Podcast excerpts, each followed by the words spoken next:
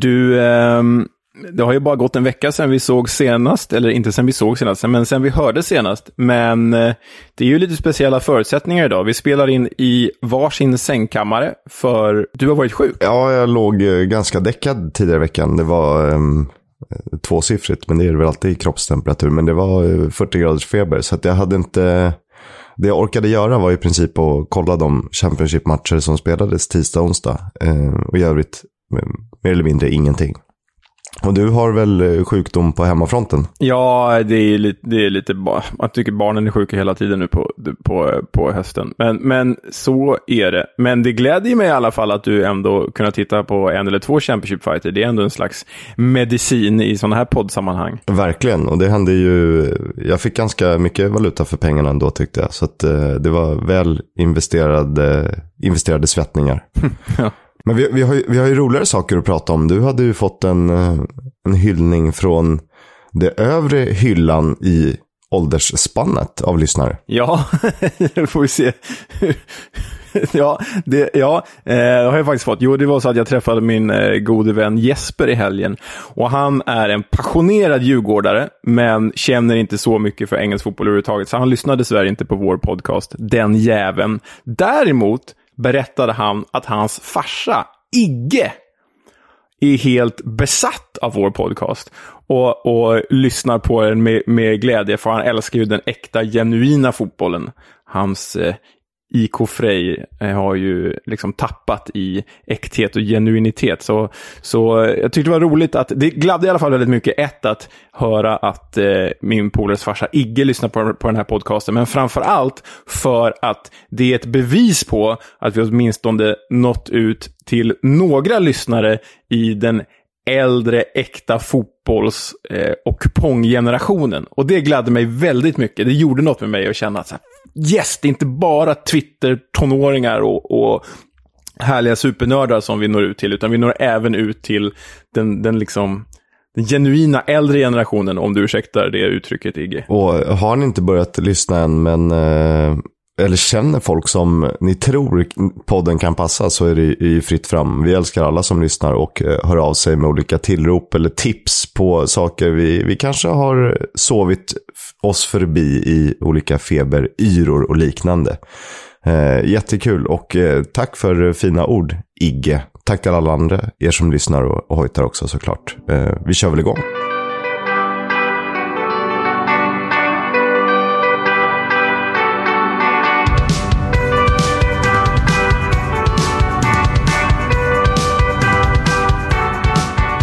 Du lyssnar på Football's Coming Home, en podcast som fokuserar mest på Championship men också på League 1 och League 2. Jag heter Oskar Kisk och med mig har jag såklart Leonard Jägerskiöld Velander. Ja, det har ju spelats eh, ett gäng fotbollsmatcher i Championship eh, sen vi senast hördes. Det var en dryg vecka sen och eh, det är väl typ 24 matcher om jag inte har räknat helt fel. det, det brukar vara det. det. Det är ett jävla ös på matcher de här omgångarna.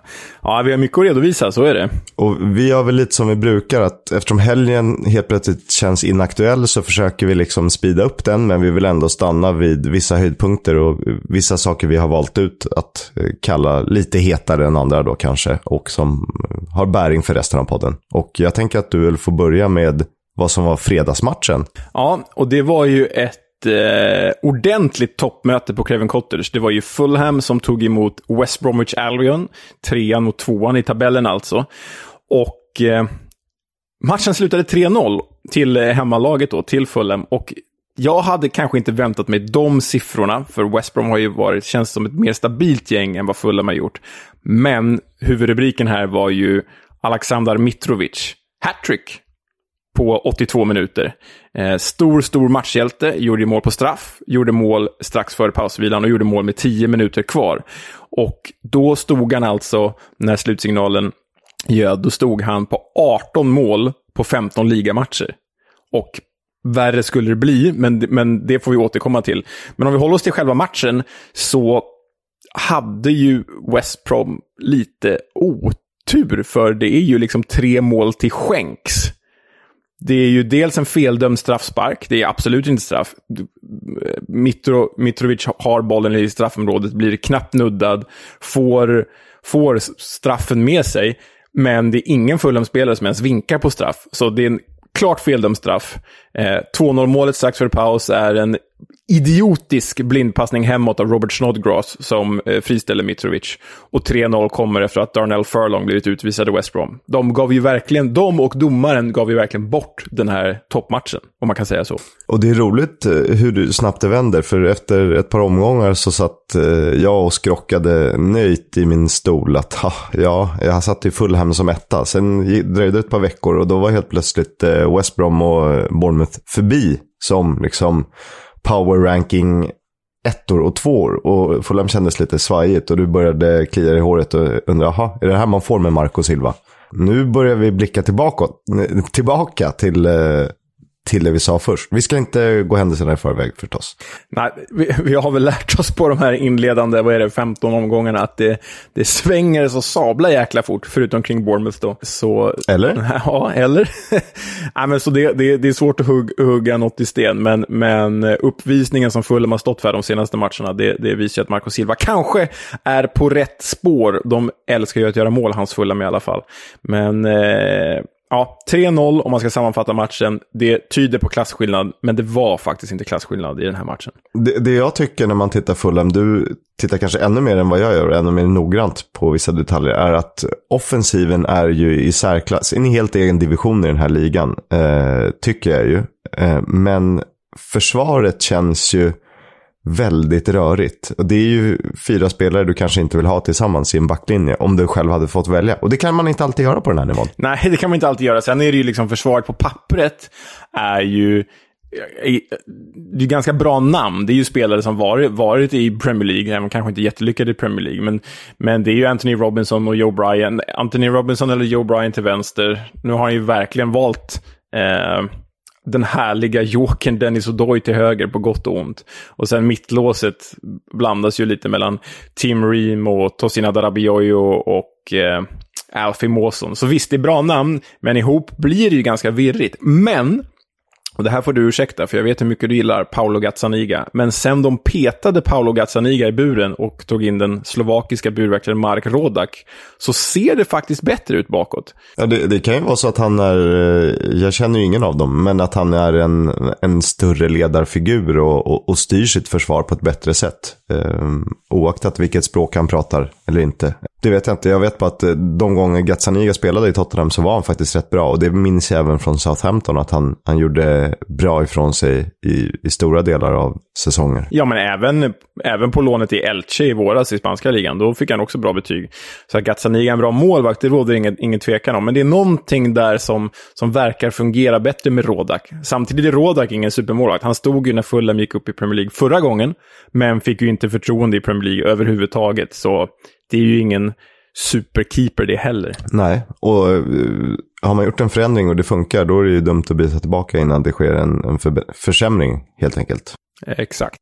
Vi, vi smyger vidare då till uh, den som var tv-matchen i lördags, alltså klockan fyra, svensk tid, klassiska 15.00 i England. Det var ju Stoke mot Cardiff och det var ju en, en sanslös tillställning i Stoke-on-Trent, uh, som verkligen hade två olika halvlekar.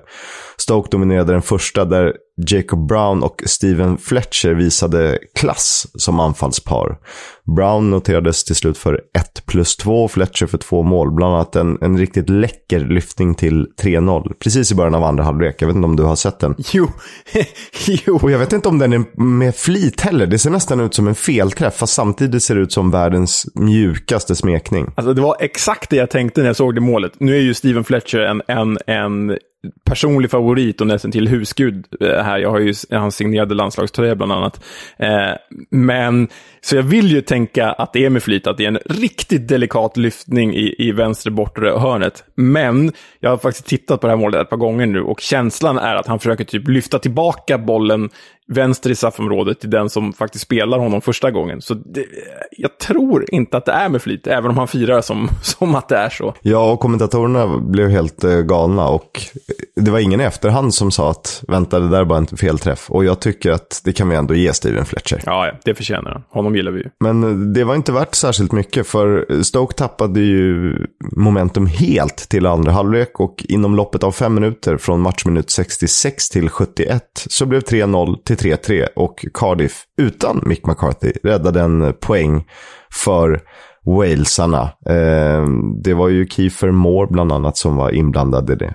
Man får väl kalla det en 5 plus upphämtning. Och jag tycker inte att det är särskilt mycket som känns bra i Cardiff. Även om det gav en boost så ser jag inte någon så här jättestabilitet. Och jag tror väl att Ryan Giles bjöd på eh, två sist va? Ja, det är ju viktigt att de får igång honom igen. Han har ju verkligen gått torr, haft eh, torrt krut, om, eh, eller blött krut kanske man säger. Han har verkligen inte gått bra för honom i alla fall eh, eh, de senaste omgångarna, typ senaste tio omgångarna och därmed har det gått dåligt för Cardiff också.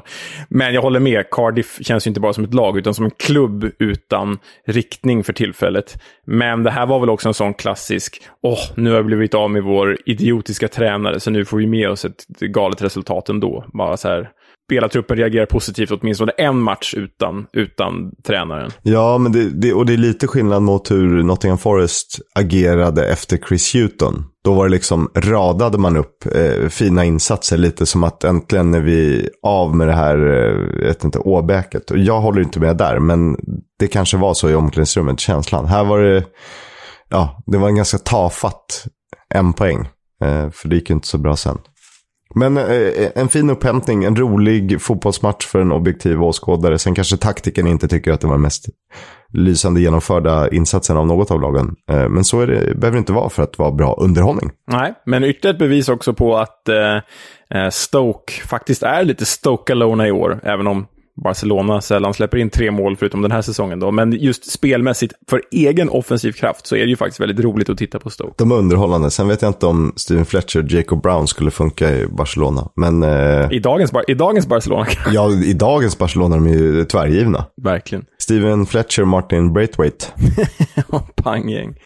Vad hade vi mer då? Ja, men, eh, Queens Park Rangers och Nottingham spelade 1-1. Forest kvitterade på stopptid genom Jack Colback av alla människor. Och det är ju en, en spelare man gillar att uh, höra. Ja, jo. Jag... Vars namn man gillar att höra. Ja, jo, så är det väl. Gyökeres fortsätter att ta det lite tufft efter landslagsuttagningen. Uh, men Coventry vann. Han var dock mållös. Det var Hull Coventry 0-1. Bristol City Barnsley, Barnsley 2-1 till hemmalaget Bristol City. Det var första segern hemma på Ashton Gate på 17 försök. De hade alltså gått segerfritt 17 raka matcher på hemmaplan innan de lyckades betvinga Barnsley här. Så eh, ja, det var ju jubel på Ashton Gate.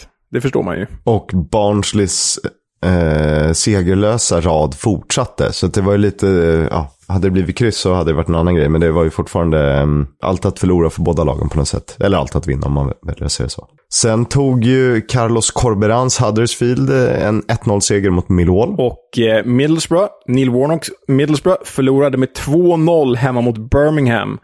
Eh, då är, innebär ju att Birmingham inne på vinnarspåret igen, får utdelning på alla sina positiva siffror i statistiken. Ja, och Middlesbrough hade liksom jackat upp sig lite, eh, Warnocks Borough. Eh, men det verkar vara 0-2 eller 2-0 som är resultatet för dem. Jag tror väl de har typ fyra eller fem matcher som har slutat 2-0 i någon riktning eh, i rad. Hm. Sen hade vi ju Preston North End mot Luton 2-0. Och sen hade vi då Robin Olsens Sheffield United hemma mot Blackpool.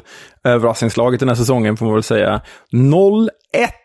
Det känns som att den här liksom positiva trenden som Blades hamnade i för att de värvade Morgan Gibbs White och, och Guedjura och Olsen och resten av gänget. Det har kommit av sig. För 0-1 hemma mot Blackpool, det ska ju Sheffield United inte göra. Jag blir inte riktigt klok på vad som händer med Sheffield United. På pappret eh, hade de redan inför säsongen ett lag som absolut skulle vara med och tampas om eh, de sex översta placeringarna. Eh, och med värvningarna tycker jag de har ett lag på pappret som absolut ska slåss om de två översta platserna. Visst, de hade fått en tuff start, men ändå, det är så pass bra spelare som ska kunna göra det ändå. Ja, det som är värt att komma ihåg med Blades ögon här, det är ju att tränare Slavisa Jokanovic, när han tog upp Fulham i Premier League för några år sedan, då låg ju Fulham typ på tionde, tolfte plats vid årsskiftet. Och sen var de seriens absolut formstarkaste lag på våren och slutade femma eller sexa, nådde playoffplats och sen kvalade sig upp genom att slå Aston Villa i finalen. Så det går ju, men bevisligen med Jokanovic. Men det ser ju inte fantastiskt ut för tillfället. Nej, det är, jag tror säkert att han får tid, men frågan är hur lång, lång tid man har. Nu är det ju förvisso ganska jämnt. Det skiljer väl inte så många poäng mellan typ, eh, vad blir det då? Lag 14 och lag eh, 6 eller 7. Nej, exakt. Det är ju det är en otroligt tät tabell, så är det ju. Det är Getingbo och ena veckan så hyllar man ett lag för då ligger de femma och har gjort eh, fina matcher. Sen åker de ner 7-8 placeringar bara av att förlora en match. Så det är inte, det är inte så drastiskt. Men eh, uppryckning Sheffield United säger jag. Ja, ja, det behövs. Men de har ändå, jag tittar på tabellen just nu, de har ändå alltså bara sex, de ligger på 16 plats, men har bara 6 poäng upp till QPR på femte plats. Så det är ju väldigt jämnt. Och Swansea slog Peterborough med 3-0 och eh, Swansea tycker jag verkligen ser ut att vara på gång. Eh, jag har ju tjatat om det hela eh, sen början av säsongen, så nu har det blivit lite ett, jag vet, en prestigegrej för mig att de faktiskt ska gå bra. Och jag tycker ju om Joel Pirou på topp som klassisk goalgetter, ganska smart sådan. Så har de Jamie Patterson med ögat. Och Olivier en cham också. Det är en fin anfallstrio. Mm, nej, men det är ett fint gäng och Patterson är ju, han är ju otroligt het för tillfället och han och Pirros samarbete är väl, jag tror du sa det redan i förra avsnittet, det är väl det mest framgångsrika i den här säsongens Championship. Ja, Carlan Grant och Callum Robinson har väl rätt många, har väl flest assist to goal, eller hade det inför förra avsnittet. Jag tror inte vi nämnde det, men jag tror Pirro och Patterson är där någonstans och nosar också. Sen har vi Derby mot Blackburn. 1-2. Blackburn borta slog Derby och känslan här är väl att eh, Blackburn är väldigt ojämnt och att Derby har gått in i någon slags vägg här, för nu får de inte resultaten med sig längre. Och att eh, Ben Brereton Diaz var i målprotokollet igen, blev det väl va? Mm, så... För han gjorde båda målen. Just det, så var det. Precis. Kul för honom. Och eh, Reading Bournemouth 0-2 var ju ett resultat vi inte var särskilt förvånade över att höra. Precis. Vi går vidare och kikar mot tisdagens matcher. Och till att börja med så slog Millwall Reading med 1-0. Det är nästan lite av ett derby om man vill. Eller Reading vill väl kalla det ett derby om de vill ja. vara lite Greater London area. Ja, exakt. Reading, Reading försöker göra sig viktiga på alla möjliga sätt. Men eh, frågan om vi låter dem göra det. Men visst, en stretch om man vill kalla det derby. Sen hade vi Nottingham Forest, Sheffield United 1-1. Andra raka krysset för Forest och Sheffield med åtminstone en borta poäng mot ett bra lag. Det får väl Robin Olsen vara nöjd med ändå. Coventry Swansea 1-2.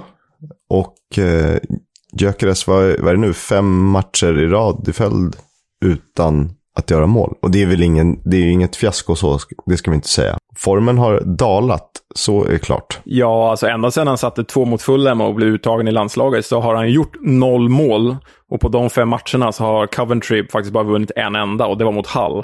Så frågan är om det är Gyökeres eller om det är hela Coventry som har liksom insett till skillnad från humlor som inte fattar att de inte kan flyga så har Coventry kanske insett att oj, vi är inte så här bra.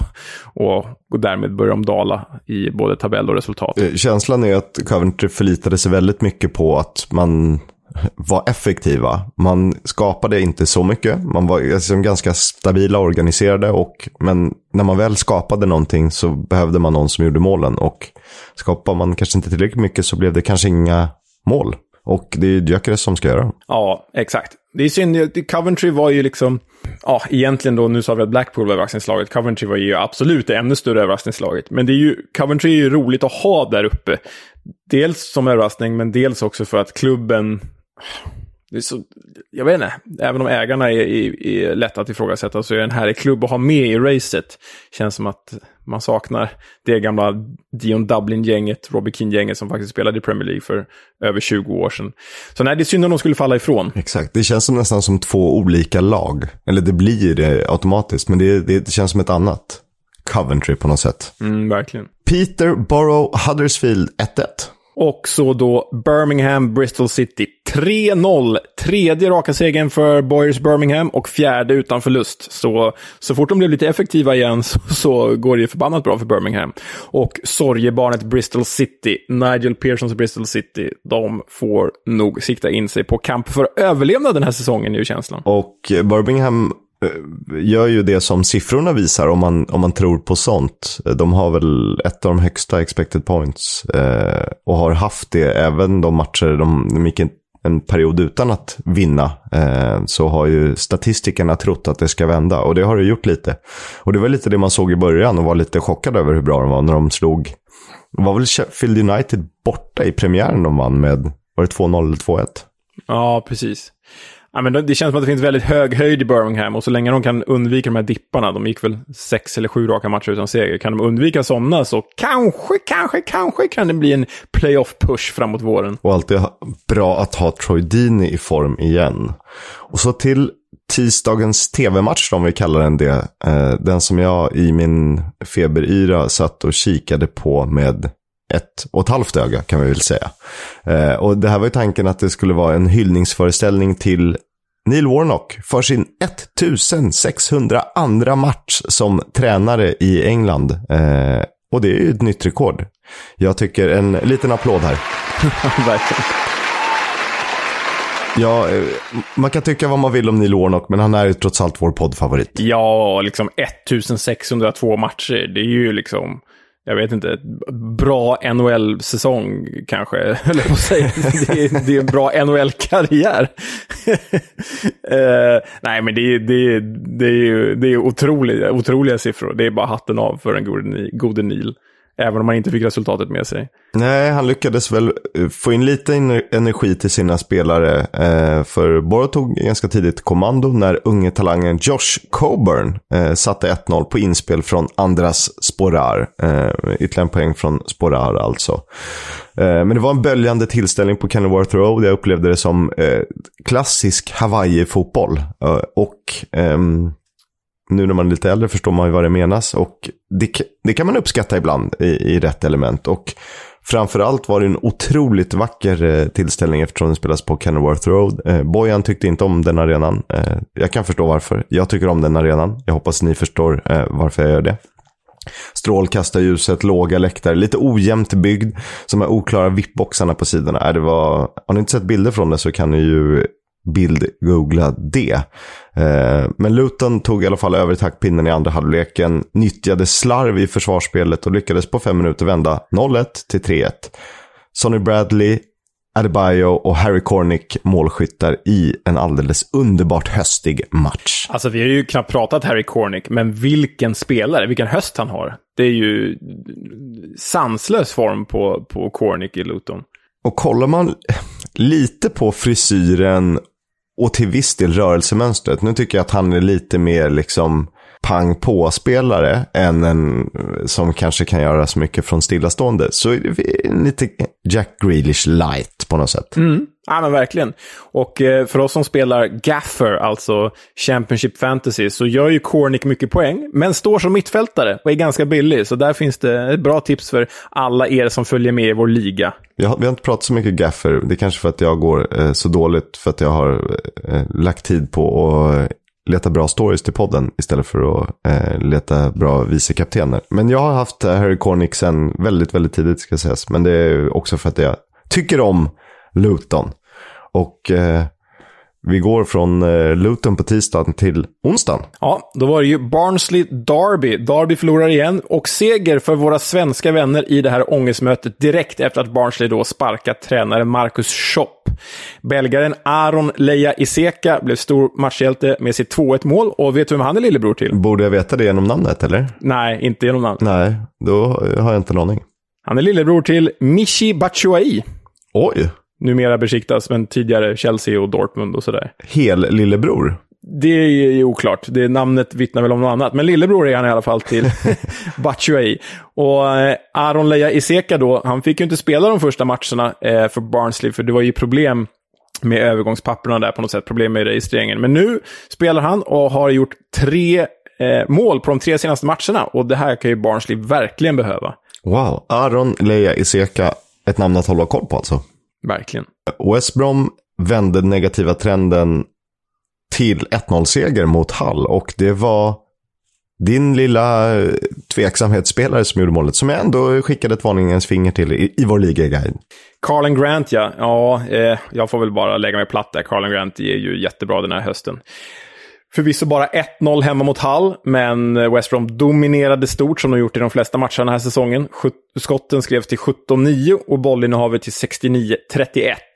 Fortfarande oroväckande för West Brom att Alex Mowat saknades och han kommer även missa matchen mot Middlesbrough i helgen. Så det blir ju då ja, fem matcher utan Alex Mowat i West Brom. Det är ju tufft i och med att han är deras kanske absolut bästa spelare. Det är jobbigt när du lever mycket på en spelare, men du aldrig kan förlita dig på honom. Jag vet inte om jag ska dra några jämförelser, men andra spelare som när Ledley King var skadad, det är det jag som har top of mind. Du kunde aldrig räkna med honom i försvaret, men när väl spelare visste du att han skulle vara bäst på plan i varje match, eller åtminstone bäst i försvaret. Men du var ju alltid tvungen att peta någon för honom och du kanske hade spelat ihop ett mittbackspar. Men du kan ju inte peta din bästa spelare och lite så kan det ju bli om du aldrig. Han är borta två matcher här, sen ska han tillbaka, ha, sen är det någon ny grej och sen han, missar han tre matcher igen i januari. Ja, nej, det är ju... Det är, och tittar man bakåt säsongerna verkar det ha varit lite så med Mauet också, både i, i Barnsley och Leeds. Att det är en skadebenägen spelare, men det är väl för hans spelstil också. Eh, han sägs ju komma tillbaka efter landslagsuppehållet och det kommer West Brom att behöva, för på de fyra matcher som de spelat utan honom hittills, kommer bli fem i helgen, så har de faktiskt förlorat två. Så eh, ja, han behövs. Det gör han. Och nu tycker jag att vi tystnar, nästan trumvirvel.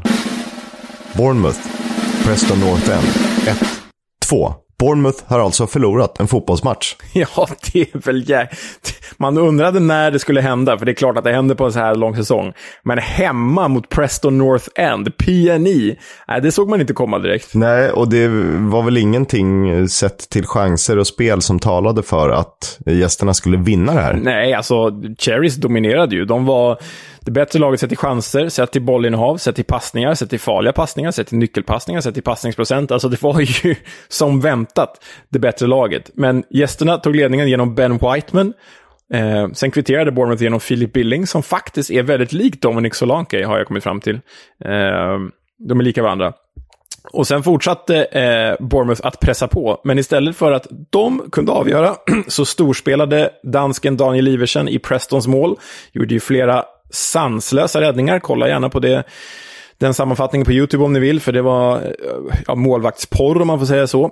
Men eh, det var ju Preston som avgjorde då genom Alistair McCann. Och vill man se hans kanske finaste fotparad i ett väldigt, väldigt avgörande läge, det var väl Jamal Lowe som fick den chansen, så följer man EFL-podden på Instagram där vi delar lite smått och gott från eh, English Football League. Det kan vara allt från eh, Plymouths regnförstörda plan till en Daniel Iversen-räddning. Och han börjar segla upp som en riktigt het kandidat till att eh, ta årets handskar kanske.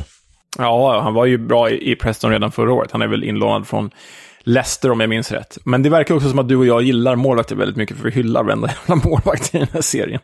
Det gör vi, men jag, tycker vi tog förnuftet till fånga här om avsnittet och kunde ändå sansa oss lite, eller det var mest jag, kring Simon Sloga som jag hyllade inför säsongen. Men eh, sen sa att, ja visst han håller många nollor, men han brister i andra delar av spelet. Och det känns ju som att så är fallet. Verkligen. Sen har vi väl det som eh, får kallas eh, omgångens eh, höjdare. Eh, det var Blackburn Fulham. Eh, och jag älskar ändå Fulhams egna rubrik på matchen. Jag tror att det var eh, på YouTube de, de kallade den Seven Heaven as Fulham Run Riot. och jag älskar det här uttrycket Run Riot. Jag, jag vet inte, det, jag tycker det är så fruktansvärt talande. Och det är så brett på ett sätt som det svenska språket inte riktigt klarar av. Och Fulham vann alltså med 7-0 på bortaplan. Och det betyder att de har 21 på de fem senaste matcherna. Det är helt sanslöst. Ja, jag vet. Den där ettan svärtar ju ner. Nej, jag skojar. Bitter supporter. Verkligen. Nej, men 21 på fem senaste. 7-0 på Ewood Park. Det, det är ju otroligt. Och det är verkligen i den här matchen. Det skulle sägas att jag tyvärr inte såg den här live, för jag satt och jobbade med eh, Champions League-sändningarna, vilket i och för sig är väldigt roligt att göra, för då sitter man och tittar på 35 mål per kväll. Liksom, så det, jag jobbar med alla matcher där, så det, det är väldigt roligt. Så jag hade ju liksom pling i mobilen på den här matchen, och så bara 1-0, yes! 2-0, åh, oh, vad bra. 3-0, 4-0, 5-0, vad fan är det som händer? 7-0! um, ehm, så det, det, det, var ju på så sätt en lite tråkig, tråkig eh, att jag missade den här matchen. Jag har ju sett highlighten förstås, och eh, lyssnat på intervjuer och sådär. Men det är ju ett otroligt styrkebevis att åka till Ewood Park och vinna med 7-0. Det var ju då alltså tre stycken tvåmålsskyttar i Neskens Kebano, Harry Wilson och Rodrigo Muniz, den inhoppande brassen. Mitrovic gjorde bara ett mål i den här matchen. Ja, det var som, som vi skrev. Eh, man blir förvånad eh, varje gång Fulham gör mål och det är inte Mitrovic nu för tiden. Ja, ska ju då sägas att eh, Fulham vid ställningen 2-0 efter mål av Kebano och Mitrovic så blev ju Sean Paul van Hecke holländaren i Blackburn utvisad, så det var därför det kunde rinna till ytterligare fem mål i den andra halvleken. Och det är en rätt konstig situation. Har du sett det, utvisningen? Ja, det har jag ju. Den, här, ja. den är både för mig solklar men ändå lite gult kort. Jag tycker det är en sån här lustig situation som man sätter sig i. Och det är mer olyckligt än vårdslöst. Ja, det, det... Men det blir vårdslöst om man tittar på reprisen såklart. Exakt, Nej, men jag håller med. För det är, eh, det är Neskens han äh, river ner, va? Visst är det så? Det är Neskens Kebano. Ja, jag tror att det är det. Ja, eh, när, när han är på väg att spri, springa sig fri inom citationstecken. Nej, men jag håller med. Jag tycker inte heller... Den är väl att jämföra med de som kollade på Champions League den kvällen, så är det lite att jämföra med Mats Hummels röda kort för Dortmund mot Ajax. För er som faktiskt såg den. Det, det, det är verkligen inte menat vårdslöst, men, men det blir så i den spelomvändningen. Och det är kanske bara att man tar parti för underdog-gänget här och känner att så här, ja, men det står redan 2-0 och Fulham kommer förmodligen springa hem där. Behövde de verkligen det här? Eh, mer än att man är domare. Eh, jag ska inte försvara någon. Det var bara min eh, spontana känsla. Men den, eh, den är säkert korrekt om du frågar Jonas Eriksson. Säkert. Men de här siffrorna då, 7-0. Det här är ju då om jag förstått det rätt, Blackburns största förlust någonsin på Ewood Park. Eh, deppigt för eh, Blackburn och tränare Tony Mowbray. Det är dock inte den största bortasegern i Championships historia, bara den näst största. Den största är Bournemouths 8-0 borta mot Birmingham 2014. Och det är inte heller Fulhams största seger någonsin, för det är 10-1 mot Ipswich 1963. Men om vi stannar kvar vid siffrorna. Mitrovic, bara ett mål i den här matchen, men han har ändå gjort 19 mål på 16 ligamatcher. Wow! Ja, det är, det är sjukt. Det är sjukt. Och då skulle det sägas att han kommer från en säsong där han petades av Scott Parker i Premier League och bara gjorde tre mål i Premier League förra säsongen. Eh, snacka om att misslyckas med det kapitalet man hade i honom. Men jag gick bakåt i Championship-säsongerna och tittade på eh, de bästa målskyttarna eh, under en säsong i Championship-historien. Och det är ju rekord som Mitrovic, om han får vara kvar i Fulham och om han får vara skadefri, kommer krossa. Han har alltså gjort 19 mål på 16 matcher hittills vad spelas det? Det spelas 46 matcher under säsong, eller hur? Mm, mm. Mm. Rekordet eh, för flest mål under Championship-säsong har Brentfords Ivan Tony från, från förra året. Då gjorde han 31 mål. Tvåa Glenn Murray Crystal Palace. Han gjorde 30 mål, 12-13. Säsongen 18-19 gjorde Temo Pukki 29 mål. Ross McCormack i Leeds gjorde 28 mål, 13-14. Och Jordan Rhodes i Blackburn gjorde 28 mål, 12-13. Och räknar man in åren före The Championship, alltså när det hette Division 1, då dyker namn som Lee Hughes, Pierre van Hooijdonk och Kevin Phillips upp. Men de gjorde 31 respektive 29 mål som mest. Så eh, för att slå rekordet för flest mål under en Championship eller Division 1-säsong så behöver Mitrovic alltså bara göra 13 mål till på 30 matcher. Och det känns ju inte orimligt med den här formen. Sen, eh, sen ska man ju addera formsvackor, möjligt liten skadekänning och något konstigt landslagsuppehåll som gör att han får vila och någon resa till något främmande land som har något inreseförbud. Och... Men Inget kan väl stoppa Mitrogo? Nej, alltså det här rekordet. Är han kvar, om ingen typ Newcastle köper honom i januari, så, så då kommer han verkligen slå det här rekordet. Det, det härliga att gå tillbaka på och kolla alla de här skytteligorna är att det är ju verkligen härliga Championship-namn som dyker upp. Ja, men Eurogoals-ikonen Pierre van Hooijdonk. I, då i Nottingham Forest. Nej, men jag kände, vi kommer ju lansera ett segment senare i det här avsnittet eh, som heter Who Are Ya? Eh, och jag kan ju känna att alla de här namnen vi räknade upp med, Ross McCormack och Pukki och van Hooijdonk, hade passat väl in under det segmentet Who Are Ya? Men det får vi återkomma till. Det får vi absolut göra. Eh, vi hade ju två matcher till då som vi ska avhandla också. Det var Blackpool Stoke 0-1. Och Cardiff Queens Park Rangers 0-1. Så mycket för den tränareffekten. Exakt. Have you not been watching? I haven't! Marcus Schopp har fått foten av Barnsley och eh, det ryktas såklart om namn. Det senaste jag läste var Ove Rössler. Svensk-kopplingen. Svenskt i ledningen och då kanske man tar succétränaren inom citationstecken från Malmö FF. Han tog dem ändå vidare till åttondelsfinal i Europa League. Senast har han varit i Fortuna Düsseldorf i både Bundesliga och Zweite Bundesliga. Misslyckades med att ta upp dem till högsta serien igen. Men det är ju ett aktat namn i England. Han har ju, han har ju faktiskt dels spelat i Manchester City och varit någon slags ikon där. Det finns ju en väldigt klassisk bild på honom, har du sett den? När han presenteras i Manchester City, tror jag det är. Ja, jag vet inte. Jobbade vi tillsammans då? Nej, jag, vi, all... Jag kommer, jag kommer ihåg honom, det var någon Wigan City-grej. Man gjorde en stort reportage i Premier League-studion som Aha, var eh, rätt genomarbetat. Ja. Jag vet inte om du var kvar då. nej, nej, nej det, det, då var jag nog inte kvar. Eh, men jag tänker på den här bilden när han presenteras som spelare i City. Då står han ju tysk, för er som inte vet det.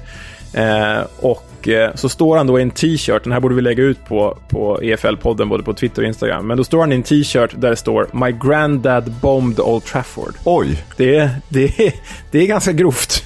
Eh, men det är också ett lätt sätt att bli en City-ikon på, om man säger så. Ja, där, eh, alltså, när det kommer till eh, derbyrivaliteter så, så försvinner ju krigstankarna ganska snabbt, tror jag. Det handlar om att plocka banterpoäng såklart. Ja, alltså man, man kan ju verkligen prata om man är osmaklig där eller inte, men så är det. Han blev snabbt en City-ikon på så sätt. Har ju tränat Brentford, Wigan och Leeds bland andra. Brentford rönte han ju väldigt stora framgångar med.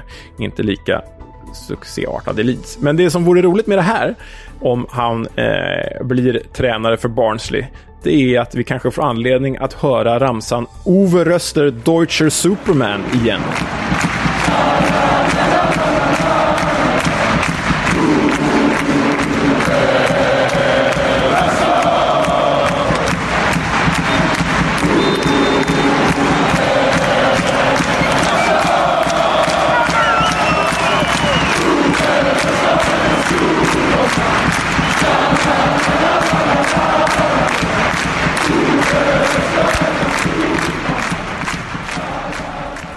Alltid härligt att höra lite kraftverk på en fredag förmiddag.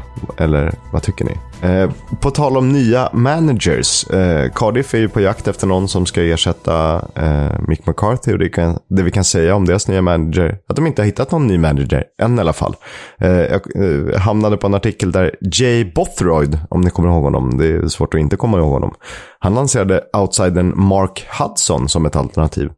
Mark Hudsons senaste uppdrag var väl någon slags caretaker manager i Huddersfield för ett eller två år sedan. Hudson med förflutet i Fulham också, Jag vet inte om han är... som spelare. Exakt, men jag vet inte om han har, har, har något jobb just nu eller om han är ledig. Kanske kan vara en intressant man för Cardiff City. Mm. Framförallt så var det, tyckte jag det var kul att höra Jay Bothroyd igen. För er som inte kommer ihåg honom, han är väl expert nu av något slag, men han var ju alltså engelsk anfallare som spelade i Perugia och i japanska ligan. Det är ju jävla meriter faktiskt. Va, var inte han ännu längre bort också? Hamnade inte han i, i eh, vad heter det, Indonesien också? Ja, det kanske han gjorde. Thailand? Ja, det kanske han gjorde.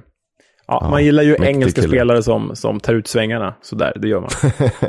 Och sen då, den eh, sista nyheten är att eh, den amerikanska affärsmannen Chris Kirchner, eller Kirchner, det tyskättad, är den senaste i raden av intressenter för att köpa Darby. Han är ägare och ordförande för företaget Slink.io som handlar om logistik och teknologi. Och han eh, skickade liksom en officiell kommuniké till Derby-fansen i veckan där det stod We don't know each other. We don't know each other yet, but we have two things in common. Our love for the game of football and our desire to rebuild Derby County back into the proud club everyone deserves. Och det låter ju lovande, men alla kan ju komma med fina ord. Eh, Det, var, det enda som saknades var att det stod eh, Our love for the game of soccer.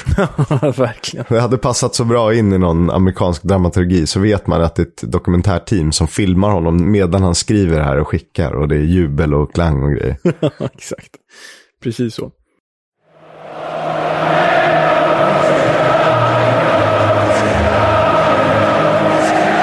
Footballs Coming Home sponsras av Stryktipset. Ett spel från Svenska Spel, Sport och Casino. För dig över 18 år. Stödlinjen.se. Lördag 16.00, match 11, Millwall Derby. Tittar man på gjorda och insläppta målkolumnerna så blir det här en målsnål tillsnällning. Men det är aldrig tråkigt att titta på fotboll på the den. Och eh, Derby har ju kommit med stora nummer och bra röststyrka på bort, bortamatcherna i jakt på livsnödvändiga poäng i kampen för överlevnad. Trots allt som har drabbat klubben under hösten. Samtidigt som Millwall plockat starka segrar titt som tätt i Championship på sistone. Ett klassiskt brittiskt möte som jag ser fram emot. Vad tänker du om helgen, Leo? Nej, men hade jag fått välja en match utan att bry mig om vilka matcher du hade valt, hade jag också valt Millwall Derby. Men nu tog ju du den, din jävel. Så, så, så jag får lansera mina andra och tredje val. Och det är en lite spretig, spretig eh, omgång. Det är inget så här riktigt självklart stormöte. Men eh, jag går faktiskt lite på ångestmötet Coventry mot Bristol City. Coventry förvisso i toppen och Bristol City i botten. Men båda behöver ju vinna och hitta form. Och sån ångest som man kan ta på tycker jag ju om. Så Coventry, Bristol City kommer jag att följa. Och sen om man vill se bra, underhållande, rolig fotboll, då ska man hålla sig vaken 18.30 på lördag, för då är det ju Blackpool mot Queens Park Rangers. Och jag tar ju varje chans jag får att kolla på det här QPR, för även om de inte alltid får resultaten med sig, så är de förbannat roliga och Blackpool är också underhållande. Eh, stannar vi kort vid Coventry bara, när vi ändå har chansen. Trots liksom bara en seger på de fem senaste, så klamrar de sig ändå fast som fyra. Och det säger väl dels, om man kollar topptrion då, Bournemouth 37, Fulham 37, 35 och West Brom 31 poäng. Sen kommer Coventry på 27 poäng. Och sen har de ju QPR, Stoke och Huddersfield samt Luton, Millwall, Blackpool som ändå skuggar hyfsat tajt bakom. Men det är ändå jämnt. Ganska svagt. Ja, men eh, vi vill ju ha det jämnt och vi vill ju gärna att den där topptrion ska åka på lite minor så att det blir ännu jämnare. Men eh, fortsätter Coventry i den här dåliga formen så, så kommer de ju trilla ur de där playoff-platserna förr eller senare. Men mot Bristol City har de ju alla förutsättningar att faktiskt eh, gå vinnande ur den matchen. Så är det. Men du, nu har det blivit dags för eh, vårt favoritsegment, när vi faktiskt får lära oss eh, någonting om någonting. Du ska berätta om Swansea i The Club. Det stämmer.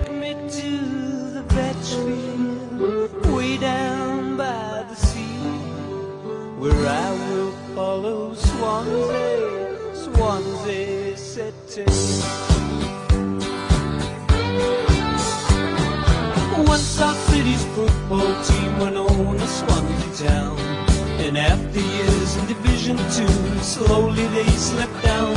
But we all knew there'd come a time when we'd see better days. So spread your wings, you silver swans, to rise and fly away. Swansea, oh Swansea, oh city, said I. I'll stand there on the north bank until the day I die. Take me to the Redfield, way down by the sea, where I will follow Swansea, Swansea City. Ja, ni hörde Take Me to the Vetchfield, alltså Swanseas gamla arena. Swansea City Association Football Club, eller Club Peldroid Kimdeitas Dinas Abertaue, om man vill prata walesiska.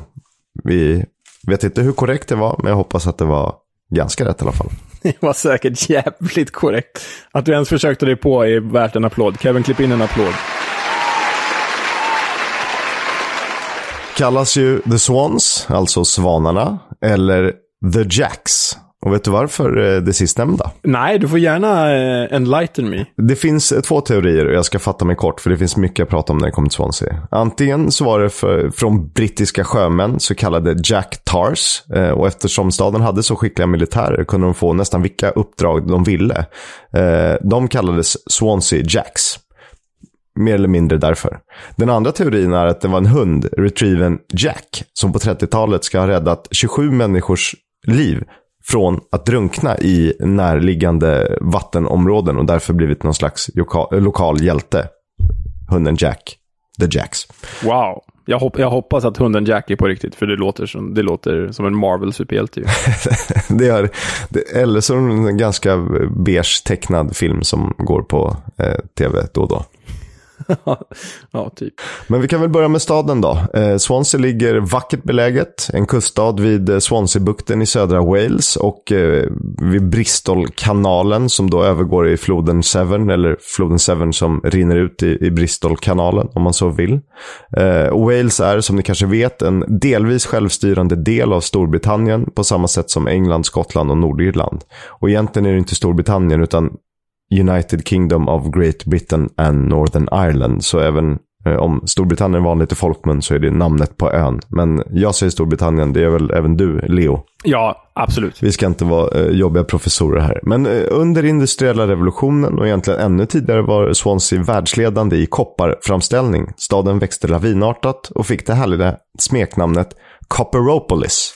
Och när, när det hittades andra sätt att ta fram koppar billigare påverkade såklart Swansea men förblev en viktig industriell plats och var således måltavla för tyskarna 1941 när staden till stora delar förstördes i Swansea Blitz. When I first started taking dope and Valium and things like that, I was 12. But it was 11 when I started smoking dope and When I Valium and eggs and Yeah. speed. When I started taking heroin, I was 14. My mother started giving it to me. I was 15 when I started taking heroin and crack. Because I was homeless I when was I... dealing with the time I was 16 with my father. I was homeless when I was tw- uh, 12. And when I was 14, I went back to live with my mother. Mother, I was taking heroin. På tal om något helt annat, har du sett dokumentären Swansea Love Story som jag kanske har pratat om tidigare? Nej, jag har ju faktiskt inte gjort det än, men du har ju nämnt den säkert tre gånger för det här avsnittet. Så det känns som att eh, jag borde ha gjort det. Jag får göra det ikväll helt enkelt. Ja, jag tog en stund på kvällen. Man, man ska vara sansad när man ser den. Den är väldigt gripande och, och å ena sidan mörk, men å andra sidan finns det ljus och kärlek i den. Eh, och den är ju en- egentligen en skildring, skildring av den då utbredda heroinepidemin som drabbade bland annat Swansea. Mellan 2005 och 2009 registrerades en 180-procentig ökning av användande av heroin. Och man får följa flera av de här personerna som är i djupt missbruk och har levt genom det egentligen hela livet och tillsammans med sina föräldrar, vilket gör det hela ännu mer dramatiskt. Särskilt när man själv är förälder och, och vet vad man har fått av sina egna föräldrar. Och det gick tyvärr sådär för de flesta i dokumentären, men jag tycker ändå den är sevärd på många sätt. Eh, I prat om liksom psykiska, psykisk ohälsa, utanförskap och, och, och soci, sociala orättvisor och liknande.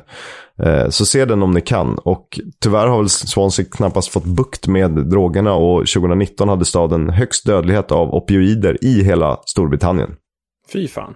Men det finns eh, några få ljusglimtar. Nej, men det finns ljusglimtar såklart. Swansea anses vara en av de städer i Storbritannien där startups mår som bäst. Med två universitet och en stor talangpool ses det som en framtidshamn för nya företagare. Det låter som jag är copywriter på eh, Swansea kommun, men Lite.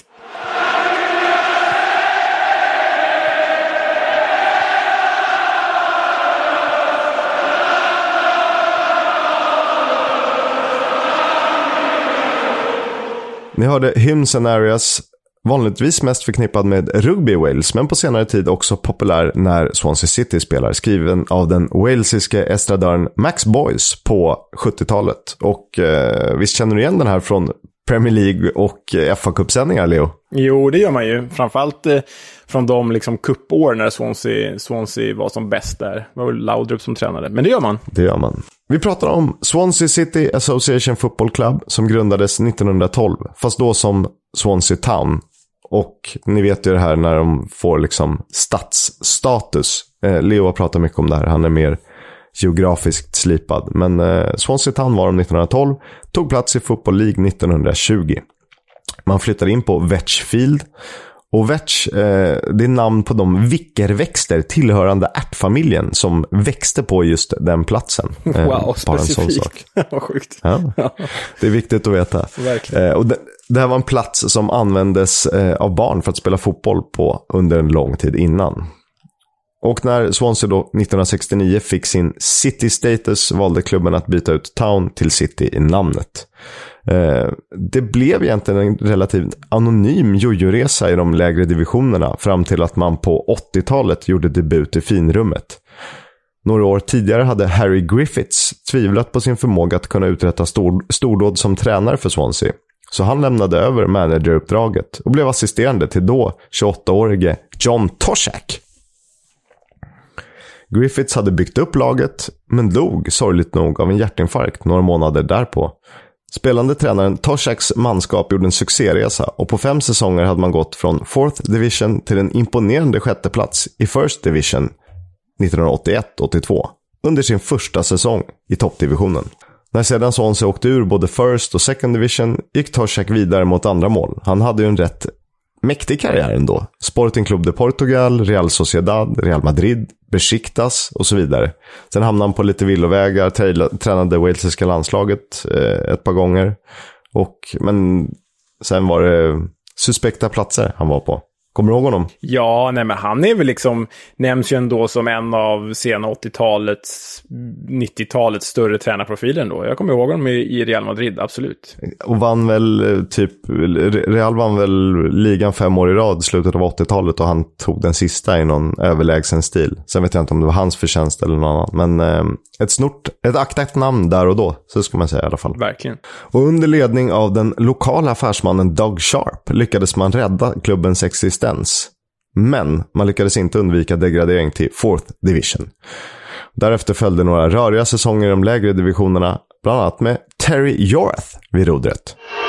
Booed off the park by the fans after Swansea's last home defeat, manager Terry Yorth left the Vetchfield today, claiming he'd been sacked. But chairman Doug Sharp has a very different version of their final meeting at the ground this morning. I didn't sack him. I asked him to resign. He said, You sacked me. I said, No. In front of the vice chairman, I asked you to resign.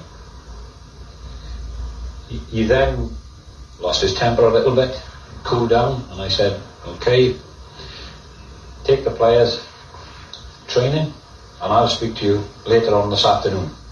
I'm not taking the players training. Picked up his bag and walked out of his office. Ja, Sharp och Jorath var inte helt överens och röran fortsatte. Upp och ner mellan Division 2 och 3. Säsongen 95-96 åkte man faktiskt ur andra divisionen och lyckades med konststycket att tränas av fyra personer under samma säsong. Bland annat Kevin Cullis. Kevin Who? Ja, det var precis så tidningarna skrev. New owner, finding a new manager is a top priority. I would hope to do so during the course of the next 14 days or so. I'm intending to spend my time during that period searching for the right one for the club. It has to be the right manager to take a club in the second division to a higher division. And the importance of him is paramount. And I'm looking for somebody with the degree of commitment that is perhaps above and beyond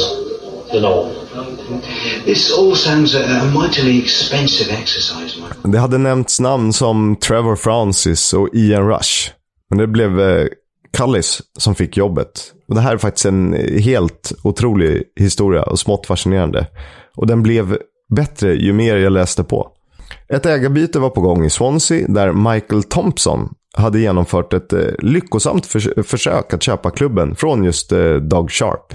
Problemet var bara att han inte hade någon tränare på plats. Thompson var mer av en lokal affärsman som jagade snabba affärer än någon långsiktig fotbollstänkare till entreprenör. Så valet föll på 38-årig Cullis. Helt utan erfarenhet som spelare eller tränare i proffsfotboll. Men han var trots allt gympalärare och hjälptränare för Cadley Towns juniorer. Vad fan pågår? Okej. Ja, och det, man kan ju ana ungefär hur det gick.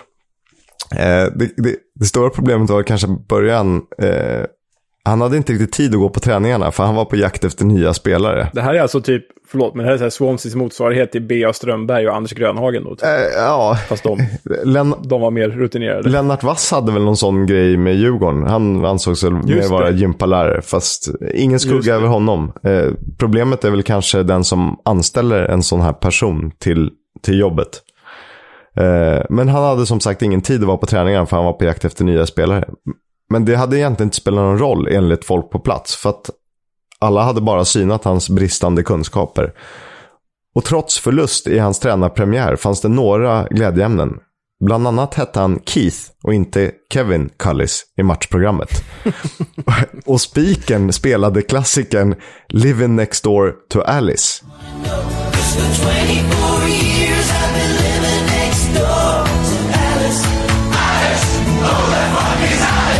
Eh, och du förstår ju eh, varför.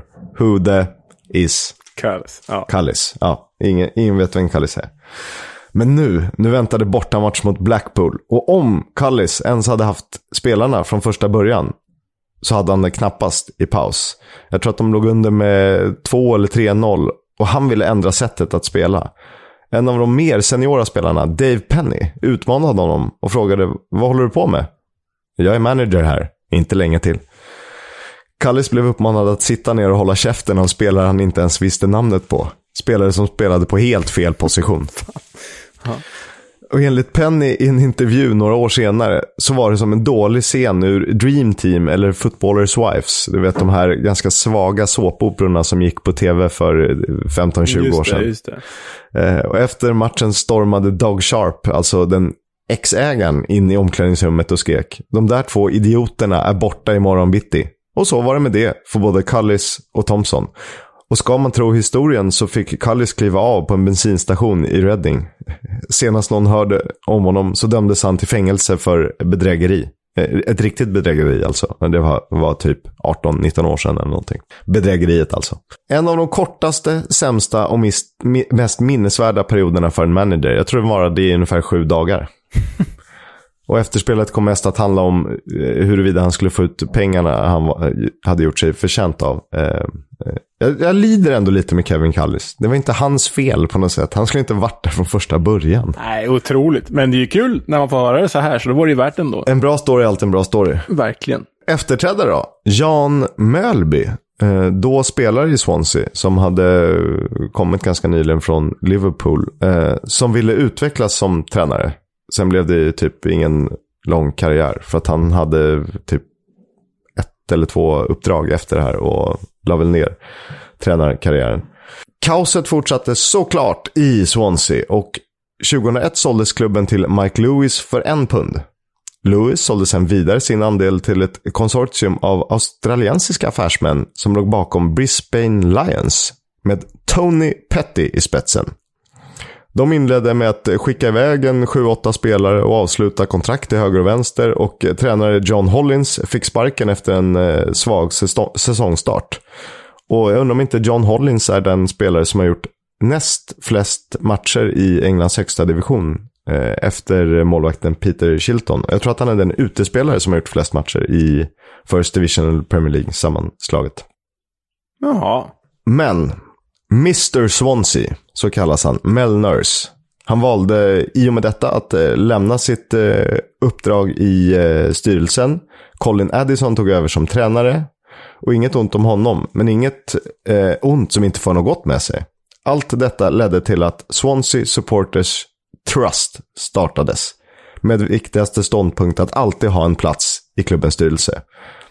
Ett halvår efter köpet sålde Pettys konsortium aktierna och detta efter att eh, Mel klivit hårt emot med backning från majoriteten av supportrarna. Men pengar behövdes och även om Jim Moore och Mel Griffin, som tidigare hjälpt Hull City, var stöttning när de köpte eh, klubben för typ en pund av eh, den här Tony Petty och hans australiensiska affärsmän, så löste Nurse på egen hand mycket av det kapital som krävdes för att hålla verksamheten vid liv. Det var alltså ganska stora skulder som behövde saneras. Och han hade ju kapital för han hade byggt upp någon form av fastighetsimperium. Så att det gick ju att lösa pengar, men han var ändå tvungen att låna själv för att rädda Swansea. Och han räddade Swansea från konkurs. Och kanske till och med något ännu värre. För så illa var det. There are no words that can express the gratitude that everyone who loves Swansea City owes this great man. He is a true local hero who has played a vital role in the current success of the club.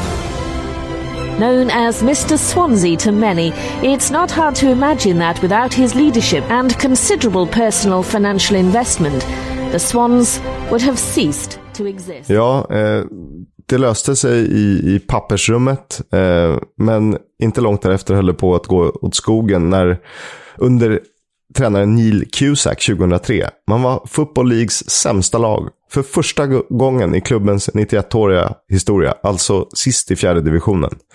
Eh, som tur var kom Brian Flynn in och räddade Swansea och man lyckades undvika conference i den sista matchen den säsongen. Kenny Jackett kom in och skulle 04-05 leda Swansea sin första hela säsong i League 2 och det var början på något riktigt stort. Anförd av ikonen Lee Trundle. Lee Trundle. Ja, det var samma Lee Trundle som vi eh, har pratat om tidigare, som har spelat i Bristol City och ogillar Cardiff lika mycket som alla i Swansea gör. Han var på topp och öste in mål. Och eh, med honom så löste man uppflyttning i den sista omgången med seger borta mot Bury.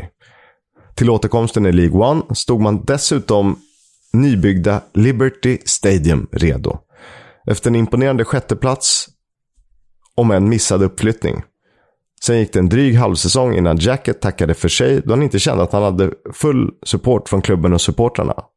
Och det kanske Swansea ska vara glada för. För in kom Roberto Martinez. Och resten är ju mer eller mindre historia. Han ritade om Swanseas, Swanseas fotboll för alltid.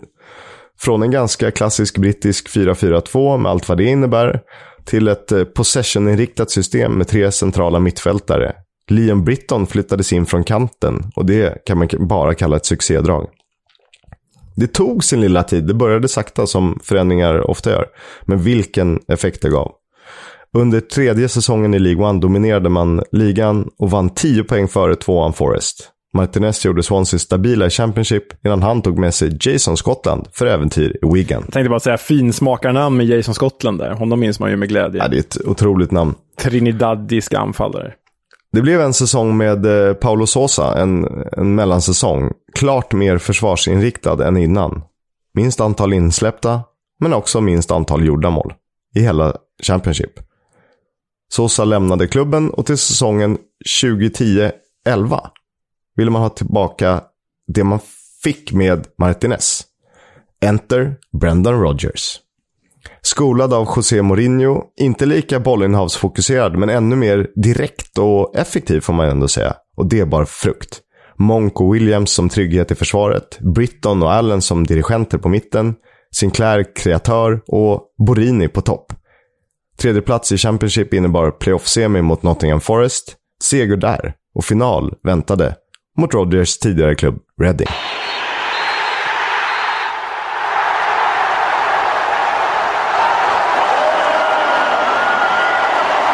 And the celebrations begin. Swansea City are in the top flight for the first time since 1983. Egentligen borde vi avsluta segmentet här i och med att de läm lämnade English Football League. Men det vore ju alldeles för taskigt mot Swansea. Rodgers gjorde ett fantastiskt bra jobb och landade på en elfte plats i Premier League. Men trots ett nytt långtidskontrakt kunde inget stoppa honom från att ta över Liverpool och det, det får man ju ändå respektera. Swansea stod här med en possession-fotboll skapad av Martinez, ett Sosa-slipat försvar och med Rogers eh, taktiska finputsning. Vem skulle kunna axla det ansvaret? Mikael Laudrup gjorde det rätt bra. Niondeplatsen i Premier League med spelare som Micho, Hernandez och de Guzman är bara att lyfta på hatten för. Och det är deras högsta placering till denna dag. Men det största skedde innan ligasäsongen var färdigspelad.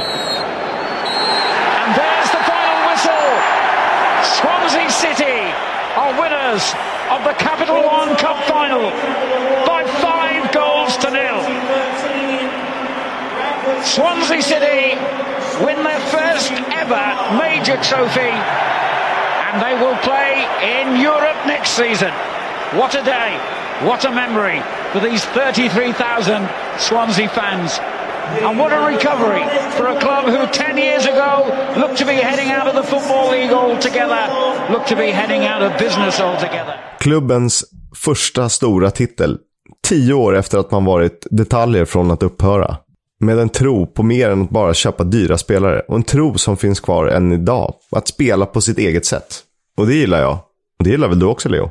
Ja, men det är ju det som är så härligt med det som, som du berättat om och det som Martinez satte grunden för. Klubbens DNA. Att Swansea ska spela på ett visst sätt. Och vilket gör liksom att man kan värva spelare som Nathan Dyer och Wayne Rutledge som kanske inte är så bra, men som passar rätt in i formen och blir då fenomenala nyckelspelare. Det är på samma sätt som Ajax jobbar eller som Barcelona har jobbat. Man har en filosofi och så följer man den. Och det, det är avundsvärt. Och lite, man ska inte alltid bara lyfta på Moneyball-kortet, men lite åt det hållet. Att du hittar en tydlig profil, vilket gör att du värvar en typ av spelare och inte bara den, ja, att du hittar Harry Maguire-karaktärer för 70 miljoner pund och för att de råkar vara bra för dagen. Exakt. Vi måste prata lite svenskar. Eh, den mest framträdande är ju Martin Olsson. Tre säsonger i Swansea. Tyvärr för hans del så har han ju åkt ur Premier League med alla sina tre engelska klubbar. Eh, inte oss emot, för vi vill ha fler svenska i Championship såklart. Men ändå. Jag har en fråga till dig. Ja. Jag kan ge en ledtråd att det är fem andra svenskar, förutom Martin Olsson, som har tillhört Swansea. Vad heter de? Fem andra svenskar. Jag, så här, jag, jag tycker att du ska ta två. Tre är bra. Fyra är riktigt imponerad. Fem, wow. Fem andra svenskar. Okej, Martin Olsson och så Kristoffer Nordfeldt var ju andra keeper där några säsonger. Och så har vi, Då har du ett... ett och så Kristoffer Petersson, eh, som inte fick så mycket speltid som nu är i Fortuna Düsseldorf, va? Yttern. bra, bra. Och så ska det in med så många svenskar till. Det ska alltså in tre svenskar till. Ja,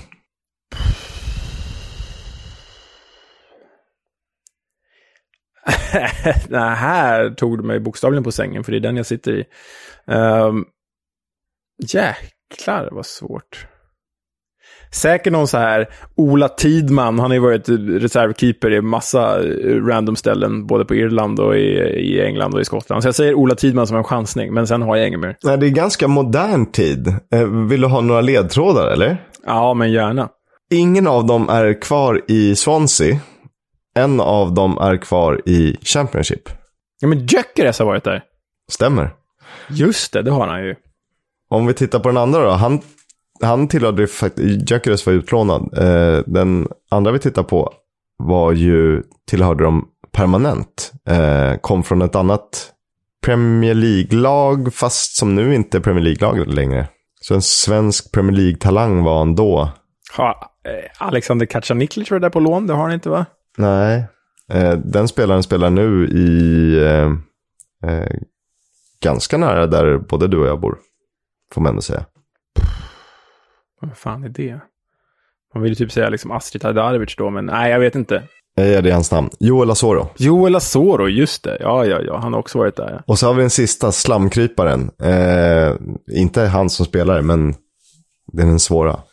Han eh, spelade, han spelar i Guys. Har varit i Häcken också.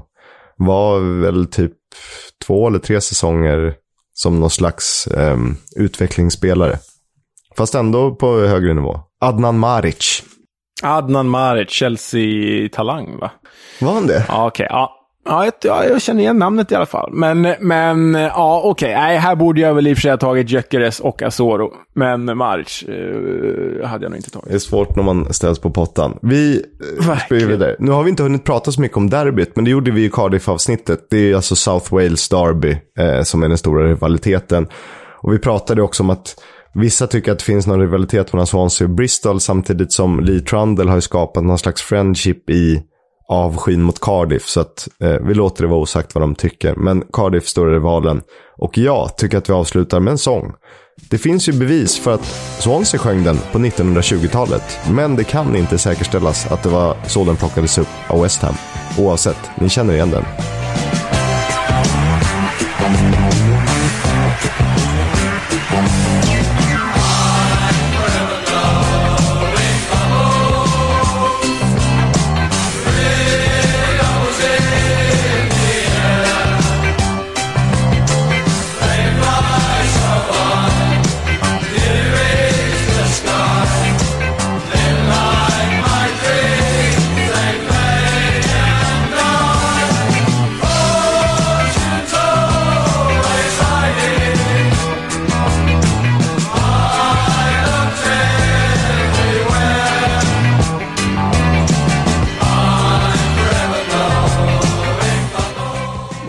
Wow, det här var ju nästan bäst av allting. Att du avslöjar att Swansea har kört Forever Blowing Bubbles.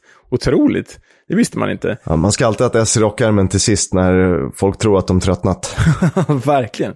Ja, äh, men äh, lika härligt som alltid. Det där, det där tar jag med mig. Jag kommer nynna på den hela dagen också.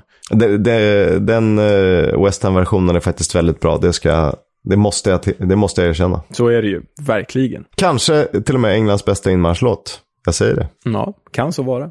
Ja, men tack för eh, Swansea Kisk och med det har det blivit dags för ett nytt segment som vi puffade för eh, eh lite tidigare här i avsnittet. Who are you? heter det. Och eh, vi kan väl börja med vignetten.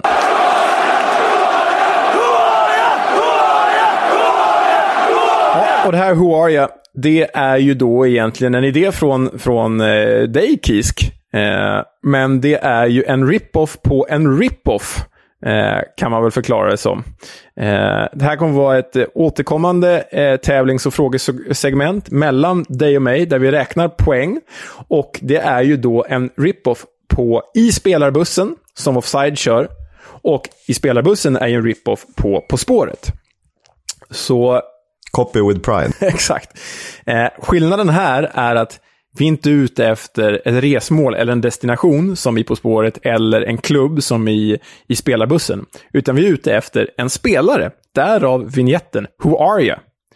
Och eh, jag kommer läsa idag eh, och du ska gissa vilken spelare det är. Du har en gissning på dig. Eh, och du, har, du kan ta det på 10 poäng, 8 poäng, 6 poäng, 4 poäng och 2 poäng.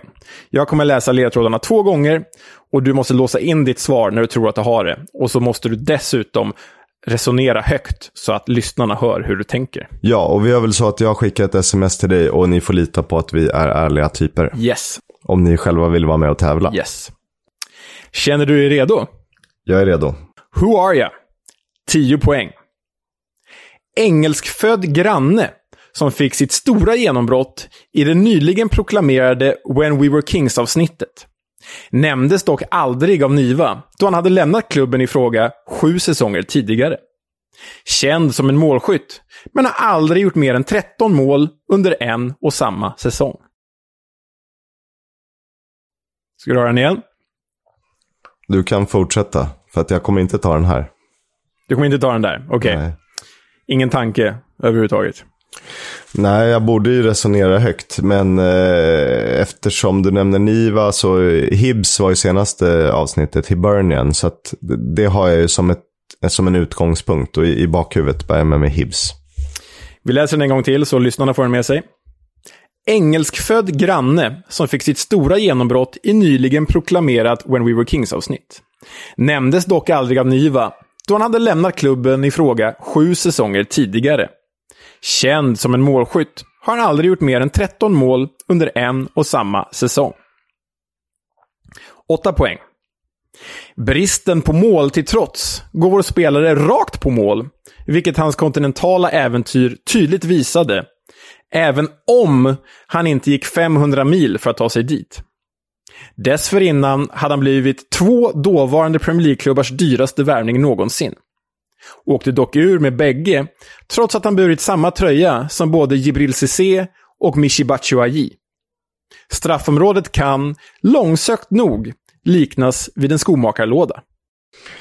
Jag har ju en, jag har ju en tanke här. På en spelare som jag tror är född i England som representerar Skottland, när, eller representerade Skottland när han väl spelade landslagsfotboll. Som har varit på ett rätt lustigt äventyr sett till vem han är. Um, som, jag vet inte om han var dyrast, men han har spelat i två hyfsat framstående klubbar där och då. Um, ska jag... Frågan om man ska chansa att dra här och rycka i tabellen.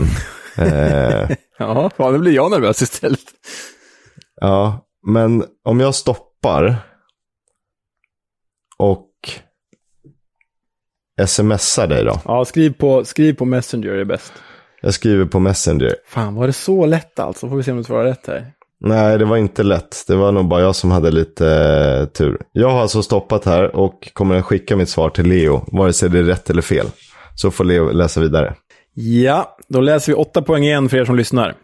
Bristen på mål till trots går vår spelare rakt på mål, vilket hans kontinentala äventyr tydligt visade, även om han inte gick 500 mil för att ta sig dit.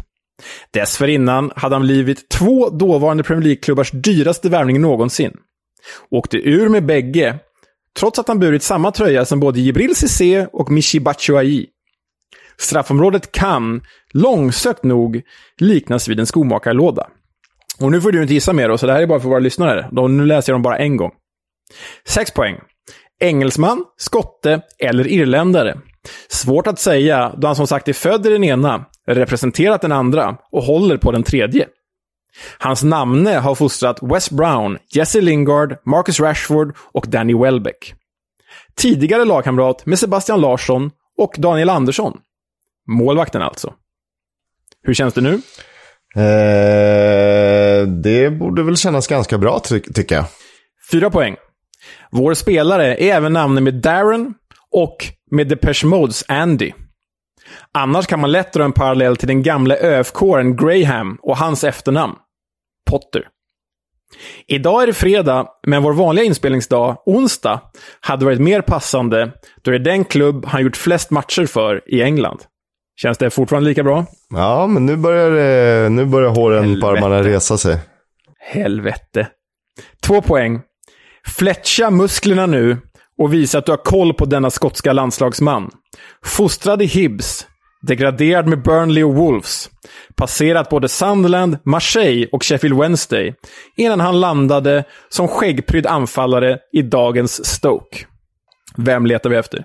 Steven Fletcher. Jajamän! Åtta poäng Kisk. Fan, fan, fan, fan. Det var ju bra jobbat av dig. Ja, det jag brukar inte ha så höga tankar om mig själv i sådana här sammanhang. Men det var eh, väldigt roligt att sätta den. Och roligt att vi nämnde Steven Fletcher. Att jag inte ens tänkte på att det kunde vara han i det här segmentet. Wow. B- eh, grymma ledtrådar. Ja, vad, vad, tog, vad, tog du, vad tog du på då? Jag funderade på vilka som kunde vara engelsk-skottar, om vi väljer att kalla dem så. Och när det var liksom två Premier League-klubbars dyraste värvning kom från Skottland. Något vagt minne av att han hade spelat i, i Skottland. Och sen, eh, ja. Ibland chansar man, ibland inte. Ja, vi får gå igenom ledtrådarna lite för våra lyssnare då. 10 poäng. Eh, engelskfödd granne, alltså engelskfödd skotte. Eh, fick sitt stora genombrott i nyligen proklamerat When We Were Kings-avsnitt. When We Were Kings gjorde ju mycket riktigt ett avsnitt om Hibs nyligen. Han fick ju sitt genombrott i Hibs. Och proklamerat refererar till The Proclaimers, som gör eh, Hibs eh, eh klassiska musik då. Sunshine on Leith. Ehm, Åtta poäng. Brist på mål. Han gör inte så många mål. Eh, så går han rakt på mål. Och det är ju en referens till Marseilles droit au but, som betyder rakt på mål. Han spelade ju i Marseille. Eh, även om han inte gick 500 mil för att ta sig dit. Alltså, I wouldn't walk 500 miles. Återigen en referens till Proclaimers och Hibs. Eh, han är ju eh, både Burnleys och Wolves dyraste värvning någonsin, i alla fall då, när han värvades till Burnley Wolves 29 och 2010. Åkte dock ur med bägge. Hade ju tröja nummer 9 i Marseille, samma som Jibril Cissé, Michi Batshuayi, Rudi Föller, Jean-Pierre Papin och så vidare. Eh, Straffområdet kan liknas vid en skomakarlåda. Fletcher är ju skomakare på engelska. Eh, hans namne, 6 poäng, har fostrat West Brown, Jesse Lingard, Marcus Rashford, Danny Welbeck. Då menar jag klubben Fletcher Moss Rangers. Och han har ju då spelat med Sebastian Larsson i Sunderland och Daniel Andersson i Hibs. Fyra poäng, namnen med Darren, Darren Fletcher och Depeche Mods Andy, Andy Fletcher i Depeche Mod. Så alltid svag för Depeche Mode-referenser. Eh, det är bonuspoäng. ja, det är bra. Och sen nämnde jag då Graham Potter eftersom att Stoke kallas för The Potter, så det är där Steven Fletcher spelar. Idag eh, sa också att det är mer passande att ha spelat in där på en onsdag eftersom att han har gjort flest matcher för Sheffield Wednesday. Så två poäng då. Fletcha musklerna nu och så vidare. Ja, nej men där var det vårt första Who Are You? Och du tog åtta poäng. Det här måste vi ju bokföra. Fan Kisk, nu har jag ju press på mig när det väl blir dags nästa gång. Ja, jag, jag tror ju att det här är mer din gren eh, än min. Eh, både att skriva frågor och du har en På spåret-ådra. Ja, nej, men det var kul att skriva, men det var tråkigt att du var så bra. Fan. Ja, eh, ibland är det så. Eh, superroligt segment. Vi hoppas att ni gillar det. Ni kan väl hojta på FL-podden vad ni tyckte om eh, lilla förändringen som vi tog in. Vi knatar vidare. We'll have a chat about the fucking game. About your game, last few months, last few weeks. Fucking character. Fuck! Idag blir veckans Warnock, vårt favoritsegment, bara en ren och skär hyllning till The Great Neil Warnock. 1602 matcher. Eh, jag lyfter på hatten. Eh, tackar för all ja, oförglömliga citat och upplevelser kring, kring den här mannen. Det är väl inte så mycket mer att säga en sån här dag, Leo? Nej, men hatten av. Vi ska inte driva med honom idag när man har nått den gränsen. Det är bara att applådera. Så tryck in det bästa du har, Kevin, för det är han värd.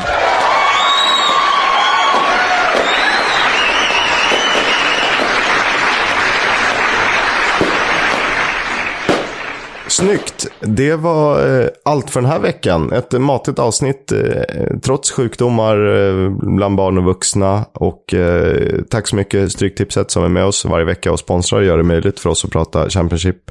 Eh, snart kommer ett landslagsuppehåll och då har vi fått önskemål överlag att prata lite mer League One och League 2. Och jag tycker vi tar det till oss och um, passar på att nyttja. Nu är ju problemet att det spelas inte så mycket League One-fotboll eftersom de också har landslagsuppehåll och uppskjutna matcher. Men vi tar det till oss att prata mer League One. Eh, har du några slutord, Leo? Ja, vi har ju faktiskt en gäst nästa vecka, om han inte blir sjuk igen då. Men det är Jonas Dahlqvist dyker upp. Wow, kanske lite Sheffield United-surr då. Och du ska ju få en klubb. Så är det. Jag har förberett en. Hit me. Ja, jag har en på Oj, gång. spännande. Ja, de har spelat Ja. bättre på slutet och eh, vet ju att de är en gammal, klassisk, stor, anrik klubb för länge sedan. De heter Preston North End. Oh, vad spännande. Här kan jag Mm. faktiskt inte så mycket, så här kommer jag lära mig någonting också. Exakt, det var lite så jag tänkte. Det blir en utmaning för oss alla. Ja, spännande. Tack eh, för den här veckan. Tack själv. Upptäckta vägar, de han tar. När det regnar kallt och ibland när kampen leder ända fram. Då ses vi på lördag.